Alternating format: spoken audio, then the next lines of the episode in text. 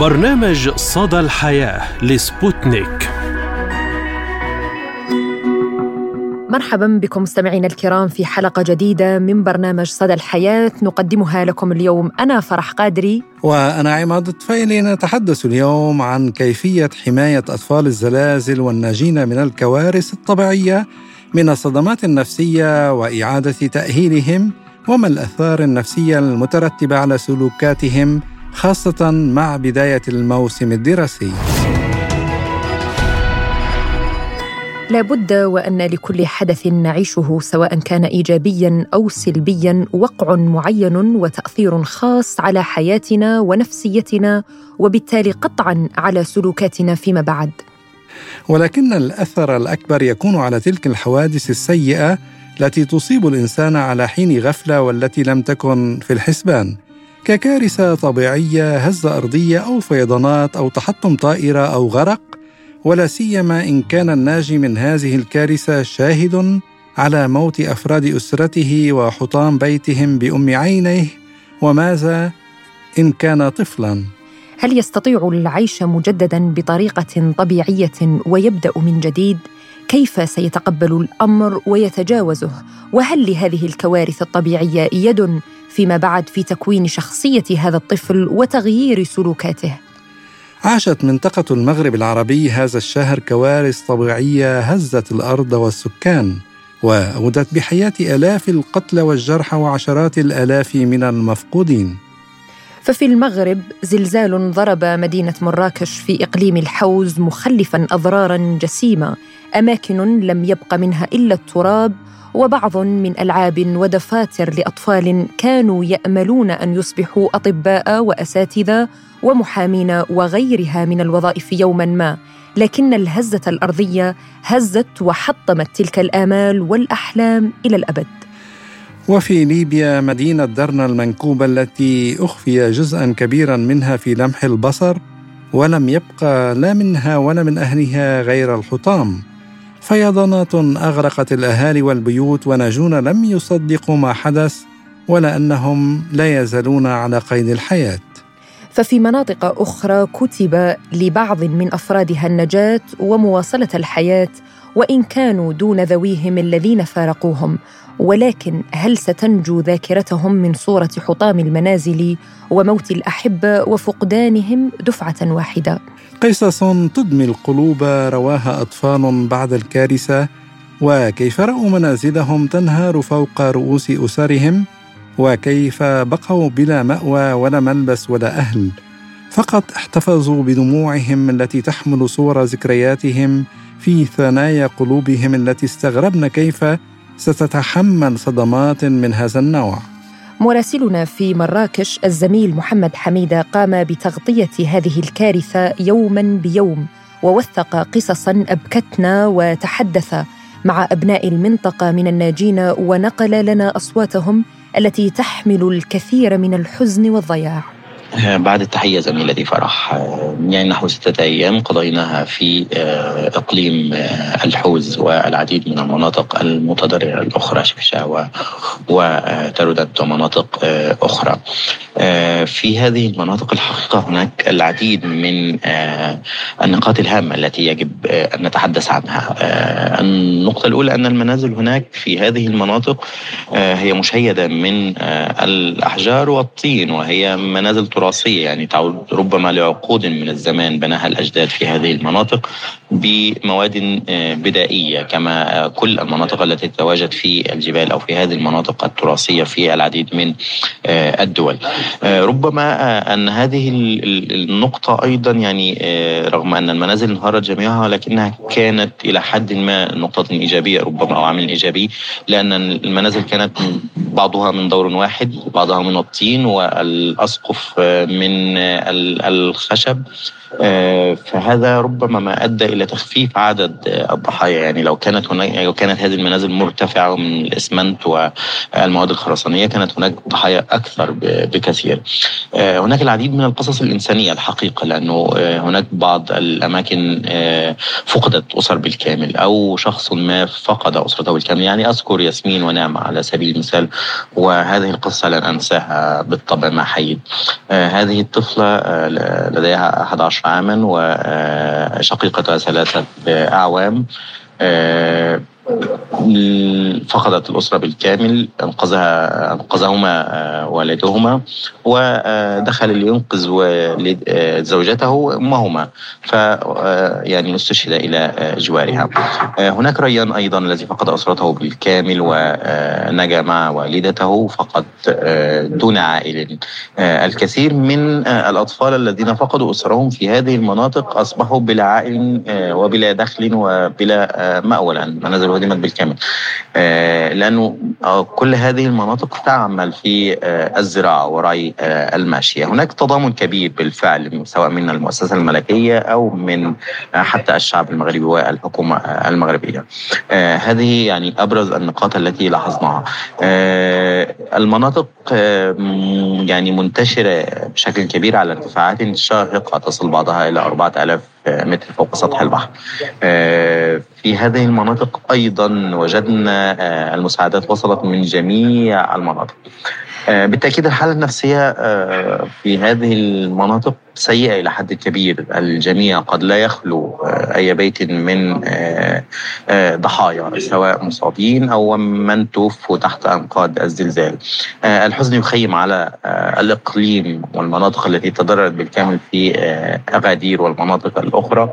وربما على المملكة بشكل كامل لأنه أكثر من أو نحو ثلاثة ألاف من أهالي المنطقة توفوا اثر هذا الزلزال. وهناك حالات خطيرة في المستشفيات.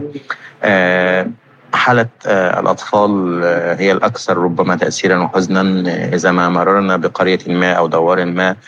وجدنا تجمعات الأطفال ربما فقدوا أسرهم ولكنهم يستأنسون بعضهم البعض لا أعرف كيف سيواجهون الحياة. وأتحدث هنا عن الجانب النفسي لا أتحدث عن الجانب المالي والجانب المادي.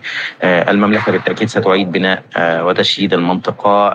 بالتأكيد سيكون هناك من يساند هؤلاء الأطفال ويقف إلى جوارهم من الجانب المادي. ولكن فكرة تحمل البقاء والاستمرار في الحياة دون الأهل ودون الأسرة بالكامل أعتقد أنها مسألة صعبة ستحتاج لوقت طويل كي يتم تجاوزها.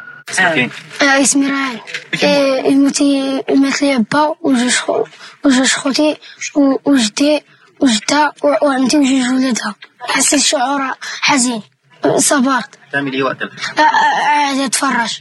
قاعد أتفرج على التلفاز. أصحابك اللي في المنطقة هنا فيهم حد آه آه. كام؟ آه 12 وللوقوف أكثر على عواقب وأثار هذه الكوارث الطبيعية على نفسية وسلوكيات الناجين منها نستضيف معنا من المملكة العربية السعودية الإخصائي النفسي السعودي الدكتور مشعل القرشي. أهلا وسهلا بك دكتور مشعل وشكرا لك لتواجدك معنا اليوم في صدى الحياة مساء الخير عليكم وعلى جميع المستمعين وأقدم لكم الشكر على هذه الاستضافة الكريمة نبدأ معك دكتور مشعل من تجارب الناس الذين عاشوا كوارث طبيعية ونجوا منها يعني كيف يمكن تخفيف الأثار النفسية عليهم؟ آه سؤال مهم جدا وحقيقة آه إن أهم ما يمكن القيام به لتخفيف الآثار النفسية على من عاشوا تلك الأزمة وتجارب الكوارث الطبيعية هو التكيف خاصة الأبوي مع الكارث والذي قد يساعد ويخفف على الطفل وهي بلا شك محاولة أولية لازمة. كذلك طلب المساعدة الطبية النفسية اللازمة من قبل فريق مدرب تدريبا عاليا لتقديم الدعم للأسرة والطفل وتشجيعهم على التواصل المفتوح فيما بينهم والتعبير عن مخاوفهم. كذلك دعيني أقول أنه مهم فعلا مهم جدا محاولة استئناف الروتين والحياة اليومية. وهي بلا شك خطوات مهمة جدا بعد وقوع الكارثة مثل الانتظام في مواعيد الطعام النوم استئناف الدراسة قدر الإمكان. كذلك هذه أساليب قد تعيد الناجين وخاصة الأطفال. ولا أنسى يعني حقيقة نقطة مهمة وهي الحد من التعرض لمشاهدة الأخبار آه التي تتعلق بالكارثة آه سواء بالتلفزيون أو آه الإنترنت. آه حقيقة يعني آه، بطبيعة الحال أغلب من عمل في تقديم المساندة النفسية مدربون تدريب تدريب عالي جدا آه، على التعامل الأمثل مع التوترات والقلق المصاحب لمن عاش هذه التجارب القاسية. آه، وتقديم المساعدة في تعزيز قوتهم الداخلية ومحاولة التكيف مع الأمر. طيب دكتور مشعل يعني هل هناك طرق نفسية علاجية معينة تتعلق بأطفال الكوارث الطبيعية. يعني هم كانوا بين الحياة والموت أه، هناك خيط رفيع. آه نعم صحيح. آه يعاني أغلب الناجون من الكوارث الطبيعية من آه عدة اضطرابات نفسية. آه على سبيل المثال الاكتئاب آه القلق اضطراب ما بعد الصدمة.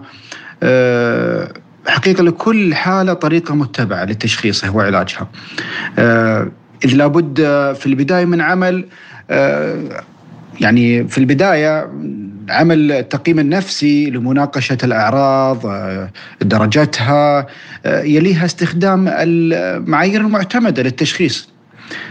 ثم بدء بدء البرامج العلاجية آه، وممكن أيضا استخدام العلاج الدوائي يعني آه، حسب ما يراه الفريق المعالج. آه، كذلك يختار المعالج ما يراه مناسب للحالة في طريقة استخدام الأساليب العلاجية يعني مثل استخدام العلاج السلوكي أو السلوك المعرفي أو استخدام العلاجية الأساليب العلاجية الأخرى لبعض الحالات. آه، كذلك آه، العلاج الجماعي أو العلاج الفردي آه، يعني حيث يمر الناجون بهذه المرحلة من يعني فيض المشاعر، بعض التغيرات في المزاج، العواطف، كذلك تغير في نمط النوم، سرعة الانفعال، بعض الأعراض الجسدية مثل الصداع، بعض يعني الآلام المصاحبة لذلك. دكتور مشعل كيف يمكن إعادة تأهيل الأطفال بعد تعرضهم لصدمة من هذا النوع وفقدان أعز الأقارب وذويهم والتأقلم مع الواقع الجديد؟ أه سؤال مهم أه يعني عملية التأهيل آه، عملية كبيرة جدا ومهمة يعني آه، لابد أن تكون آه، بشكل مرحلي متزامن مع خطة واضحة ومدروسة هذا بطبيعة الحال كما ذكرت يعني سابقا آه تكون على يد آه نخبة من المختصين بالمساندة النفسية مدربون يعني تدريب عالي جدا يعني لمتابعة هذه الحالات وطرق التعامل معها وحساسيتها بنفس الوقت. آه، يعني حيث أن الأطفال يعني في هذه المرحلة يحتاجون لتأهيل طبي آه، كذلك تأهيل نفسي اجتماعي آه، يعني تقديم الدعم اللازم آه، لإزالة التشوهات النفسية في هذا مع مع هذه الأطفال. كذلك مع ضرورة أن يتم وهذه من أهم النقاط أن يتم ذلك في وجودهم في أماكن يشعرون آه، بالأمان فيها يعني مثلا معسكرات مثلا آه، مثلا بطبيعة الحال يكون آه، بعيدا عن آثار هذه مثلا الزلازل أو الكوارث الطبيعية. حتى يعني يشعرون بالأمان. لو نتحدث هنا قليلا عن اضطراب ما بعد الصدمة دكتور، كيف ترى الانعكاسات النفسية والمعرفية والسلوكية حتى يعني للأطفال هؤلاء الناجين من الكوارث الطبيعية؟ آه، يعاني الأطفال بعد الكوارث آه، لعدة ردود فعل شائعة آه، على نفسياتهم وسلوكياتهم وتحتاج بطبيعة الحال لعلاج نفسي مكثف قد يمتد لفترات طويلة حسب حالة كل طفل. وما مر به من خلال هذه الكارثة التي عايشها. من الانعكاسات المتكرر بعد الكارثة صعوبة النوم أو البقاء نائما لفترة كافية ناهيك عن فقدان الشعور بالأمان وانخفاض الطاقة وفقدان الشهية. كذلك يعاني الطفل من الإحساس بالارتباك وصعوبة التركيز وربما شعر أنه الوحيد الذي يعاني من هذه الأحاسيس والمشاعر. إضافة لشعور الطفل بالعزلة وربما أدى ذلك إلى دخوله في شجارات متعددة في المدرسة و خاصة الأطفال الأصغر سنا آه، قد يمرون بسلوكيات كمص الإصبع والتبول الليلي اللا إرادي سؤال أخير دكتور مشعل يعني هل هناك أمل بأن الناجي من تلك الكوارث ستنجو ذاكرته أيضا من صور الدمار والفقدان؟ آه، الناجي من تلك الكوارث يحتاج بطبيعة الحال لعلاج مكثف قد يكون طويل الأمد آه، ليتخطى كل ما مر به من أحداث وعلى المعالج النفسي حقيقة أن يساعده على التعامل مع الذكريات التي ستلازمه لفترة طويلة للأسف. يعني خاصة أنها آه، ترافقت تلك الذكريات مع شعور بالذنب آه، تجاه نجاته. آه، كذلك لابد من تعليم أساليب تساعده على إدارة تلك الذكريات وقبولها والتعايش معها حتى الوصول لمرحلة تخطيها بإذن الله. نعم نشكرك الأخصائي النفسي الدكتور مشعل القرشي. كنت معنا من المملكة العربية السعودية على هذه المداخلة القيمة. ونتمنى الرحمة لأرواح الضحايا وأيضا الصحة النفسية للناجين من هذه الكوارث. العفو والشكر والتقدير لكم لإتاحة هذه الفرصة آه، للتحدث عن هذه المواضيع المهمة آه، في كيفية تخفيف الآثار النفسية كذلك آه، بعض طرق العلاج النفسي لمن عانى من آثار الكوارث الطبيعية. شكرا شكرا لكم. في خضم مشاهد الدمار والموت التي خلفها زلزال الحوز برزت قيم التضامن والتلاحم والكرم بين المغاربة بشكل أوضح حسب متابعين مغاربة وأجانب. أن محنة الكارثة كشفت وحدة المغاربة واصاله معدنهم وقدرتهم على الصبر في أوقات الشدة والمحن والتعامل معها بكبرياء وطيبة قلب ومسارعتهم إلى التضامن والتآزر ومد يد المساعدة إلى بعضهم البعض. المشاهد كثيرة سواء تعلق الأمر بتلك التي تعبر عن كرم المنكوبين الذين حرصوا على حسن وفادة من تنقل إلى مناطقهم المدمرة بفعل زلزال من إعلاميين ومسعفين ومتضامنين أو تلك التي تتعلق بمغاربة سارعوا إلى التبرع بالدم والتضامن مع المتضررين بما يحتاجونه من مأكل ومشرب وملبس وأغطية وخيام رغم فقرهم وحاجتهم إلى ما يساهمون به من تبرعات. وهنا آه، أشير إلى أن حتى زميلنا في مراكش قام بالتبرع بالدم ويعني آه، كل طاقم الإعلامي من مختلف القنوات ساهموا بقطرة دم قد تحيي أنفس. وهنا يعني تبرز آه، الأصالة الإنسانية والعامل الإنساني الذي يدفع بالكثير من الناس أن يكونوا يد واحدة في مثل هذه المحن والمثير في مشاهد الهبة التضامنية التي شغلت المغاربة عما سواها خلال محنة الزلزال وما رافقها من شهادات وكتابات موثقة للحدث أن موجات التضامن لم توفر مناسبة العطف والرفق حتى بالحيوان. في تلك المناطق المنكوبة وقد وثق أحد المتضامنين الذين تنقلوا إلى تلك المناطق حيث كتب لقد نثرنا القمح والإعانات في أعالي الجبال حتى لا يقال إن الطير والوحوش ماتت جوعا في بلد المغرب.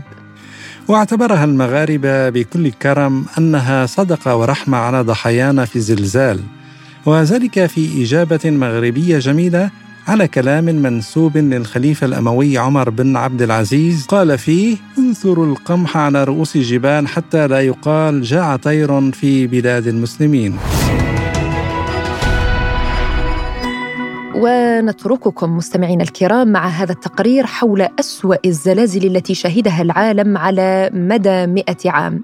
أدت الزلازل إلى مصرع ملايين الأشخاص خلال المئة عام الماضية ولم ينجح التقدم التكنولوجي في تقليل أعداد القتلى إلا بشكل طفيف.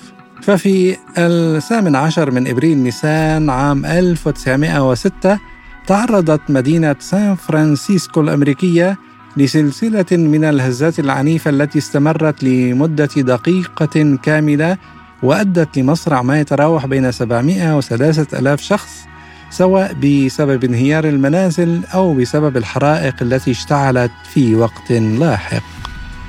وفي الثامن والعشرين من ديسمبر كانون الأول عام 1908 ألحق زلزال بقوة 7.1 درجة والتسونامي اللاحقة في مضيق مسينا في إيطاليا أضرارا بالغة وأدى ذلك لمقتل ما يتراوح بين 70 ألف و ألف شخص. وفي سبتمبر أيلول عام 1923 أدى زلزال كانتو الكبير الذي وقع مركزه خارج طوكيو لمقتل 142 ألف شخص في العاصمة اليابانية. وبعد عدة سنوات ضرب زلزال قوي في جبال الأنديز البيروفية عام 1970 وأدى إلى انهيار أرضي دمر مدينة يونغاي بالكامل وقتل 66 ألف شخص. وفي الثامن والعشرين من يوليو تموز 1976 تحولت مدينة تنغشان الصينية إلى أنقاض نتيجة الزلزال المدمر الذي أدى لمصرع 250 ألف شخص على الأقل. وعام 1988 في ديسمبر كانون الأول ضرب زلزال بلغت قوته 6.9 درجة بمقياس ريختر شمال غرب أرمينيا مما أسفر عن مقتل 25 ألف شخص. وفي السابع عشر من أغسطس آب 1999 ضرب زلزال بقوة 7.4 درجة مدن إزميت واسطنبول في تركيا مما أسفر عن مصرع أكثر من 17 ألف شخص وإصابة عدد كبير. وفي الواحد والعشرين من مايو أيار 2003 شهدت الجزائر أسوأ زلزال لها منذ أكثر من عقدين من الزمان مما أدى إلى مقتل أكثر من ألفي شخص وإصابة أكثر من ثمانية آلاف آخرين. وفي الثاني عشر من نوفمبر تشرين الثاني 2017 ضرب زلزال بقوة 7.3 درجة بمقياس ريختر الحدود الإيرانية العراقية وقد لقي 400 شخص على الأقل مصرعهم وأصيب أكثر من 7000 جراء الزلزال الذي شعر به السكان في إسرائيل وعبر الخليج أيضاً. وهذه السنة وفي السادس من فبراير شباط 2023 ضرب زلزال بقوة 7.8 درجات على مقياس ريختر مدينة غازي عنتاب جنوب تركيا وتلاه بعد نحو تسع ساعات زلزال آخر ضرب ولاية كهرمان ماراش وطالت الأضرار جنوب تركيا وشمال سوريا وتقدر الأعداد الأولية للقتلى بين البلدين بنحو خمسة آلاف قتيل مع تواصل أعمال الإنقاذ وقتها. ونواصل معكم كالعادة مستمعينا الكرام حلقة اليوم من برنامج صدى الحياة بأهم الأخبار التي كانت الترند لهذا الأسبوع. نجوم كرة القدم يحتفلون باليوم الوطني السعودي بطريقة مميزة. احتفالا باليوم الوطني السعودي الثالث والتسعين تزين عدد من نجوم كرة القدم العالميين بالزي السعودي التقليدي وظهر النجم البرتغالي لاعب نادي النصر كريستيانو رونالدو وزميله السنغالي ساديو ماني بالزي السعودي وأديا العرض السعودية. وفي سؤال عن احتفاله باليوم الوطني أجاب رونالدو كما قلت سابقا أنا أحب هذا البلد الجميل وأنا سعيد هنا. مضيفا الناس هنا طيبون ويحبون كرة القدم. الدوري تطور وأصبح هناك لاعبون من طراز عالي وسأسعى لتقديم الكثير فهذا الشعب يستحق المزيد. كما زميلي عماد ارتدى عدد كذلك من اللاعبين العالميين للزي السعودي في لفته طريفة و جميلة وتعبر عن التمازج الثقافي وقبول التقاليد الشعبية للدول من بينهم النجم الإنجليزي ومدرب الاتفاق ستيفن جيرارد وأيضا نيمار وكذلك كريم بنزيما ورياض محرز العديد من اللاعبين ورقصوا بالطريقة السعودية. نتمنى عيد وطني سعيد للمملكة العربية السعودية ونحو رؤية العشرين ثلاثين التي يبدو أنها ستكون فعلا مركز للشرق الأوسط ومركز للدول العربية وتناهض الدول الأجنبية. كل التهاني بالعيد الوطني السعودي الثالث والتسعين للشعب السعودي وللقيادة السعودية. وفي خبر آخر وجبة سمك تفقد سيدة أمريكية يديها وقدميها. تسببت وجبة عشاء في مأساة لسيدة أمريكية من ولاية كاليفورنيا تبلغ من العمر 40 عاماً. فحسب ما تم تداوله على مواقع التواصل الاجتماعي فقدت هذه السيدة أطرافها الأربعة بعد تناولها وجبة سمك غير مطهية جيداً. في واقعة مأساوية بدأت بتحول يديها وقدميها إلى اللون الأسود وبحسب التفاصيل أصيبت هذه السيدة بعدوى بكتيرية بسبب عدم طهي سمك من نوع تيلابيا والذي يعرف في عالمنا العربي بسمك البلطي. آه، وقامت بشرائه لكنها لم تقم بطهيه بطريقة كاملة وطريقة صحية. وأمضت نحو شهر ونصف في المستشفى وهي تكافح العدوى القاتلة. وبعدها تعرضت لإصابة بغيبوبة وبعد ذلك كانت أصابع يديها وقدميها وحتى شفتها السفلى سوداء. وهذا يعبر عن أنها عانت من تعفن الدم الكامل والفشل الكلوي. وقال الأطباء في كاليفورنيا إن العدوى التي أصابتها كانت على الأرجح ناجمة عن بكتيريا فيبريو فولنيفيكاس التي تعيش في بيئات مائية كما حذرت آه، مراكز السيطرة على الأمراض والوقاية منها في الولايات المتحدة تداولت مواقع الإنترنت قصة رجل روسي قضى عدة سنوات في البحث والتنقيب عن الذهب ليخسر كل ما جمعه في لحظة. الرجل الروسي ذهب إلى غابات ياقوتيا وقضى هناك عدة سنوات في التنقيب عن الذهب وتمكن من جمع كميات من المعدن الثمين تعادل قيمتها 100 مليون روبل.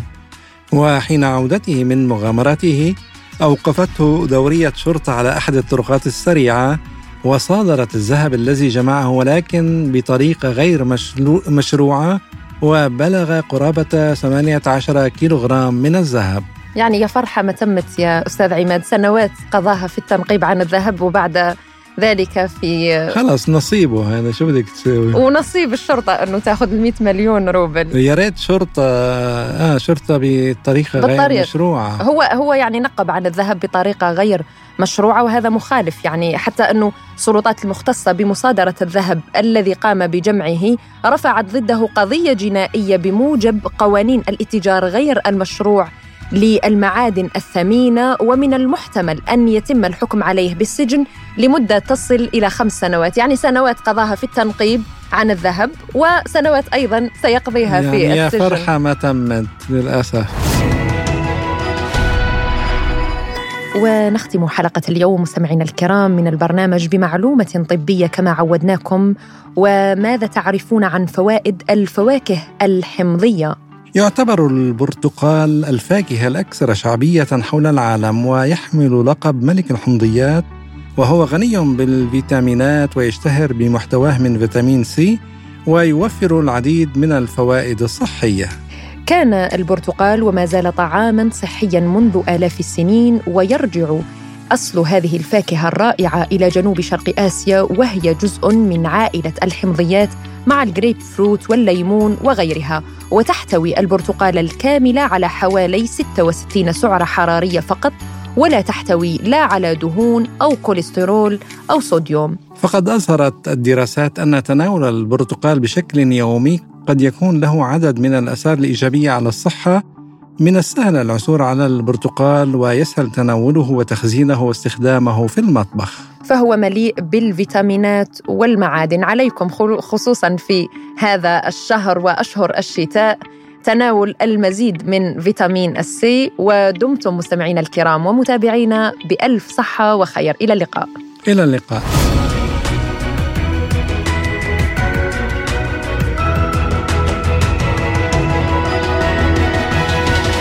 برنامج صدى الحياة لسبوتنيك.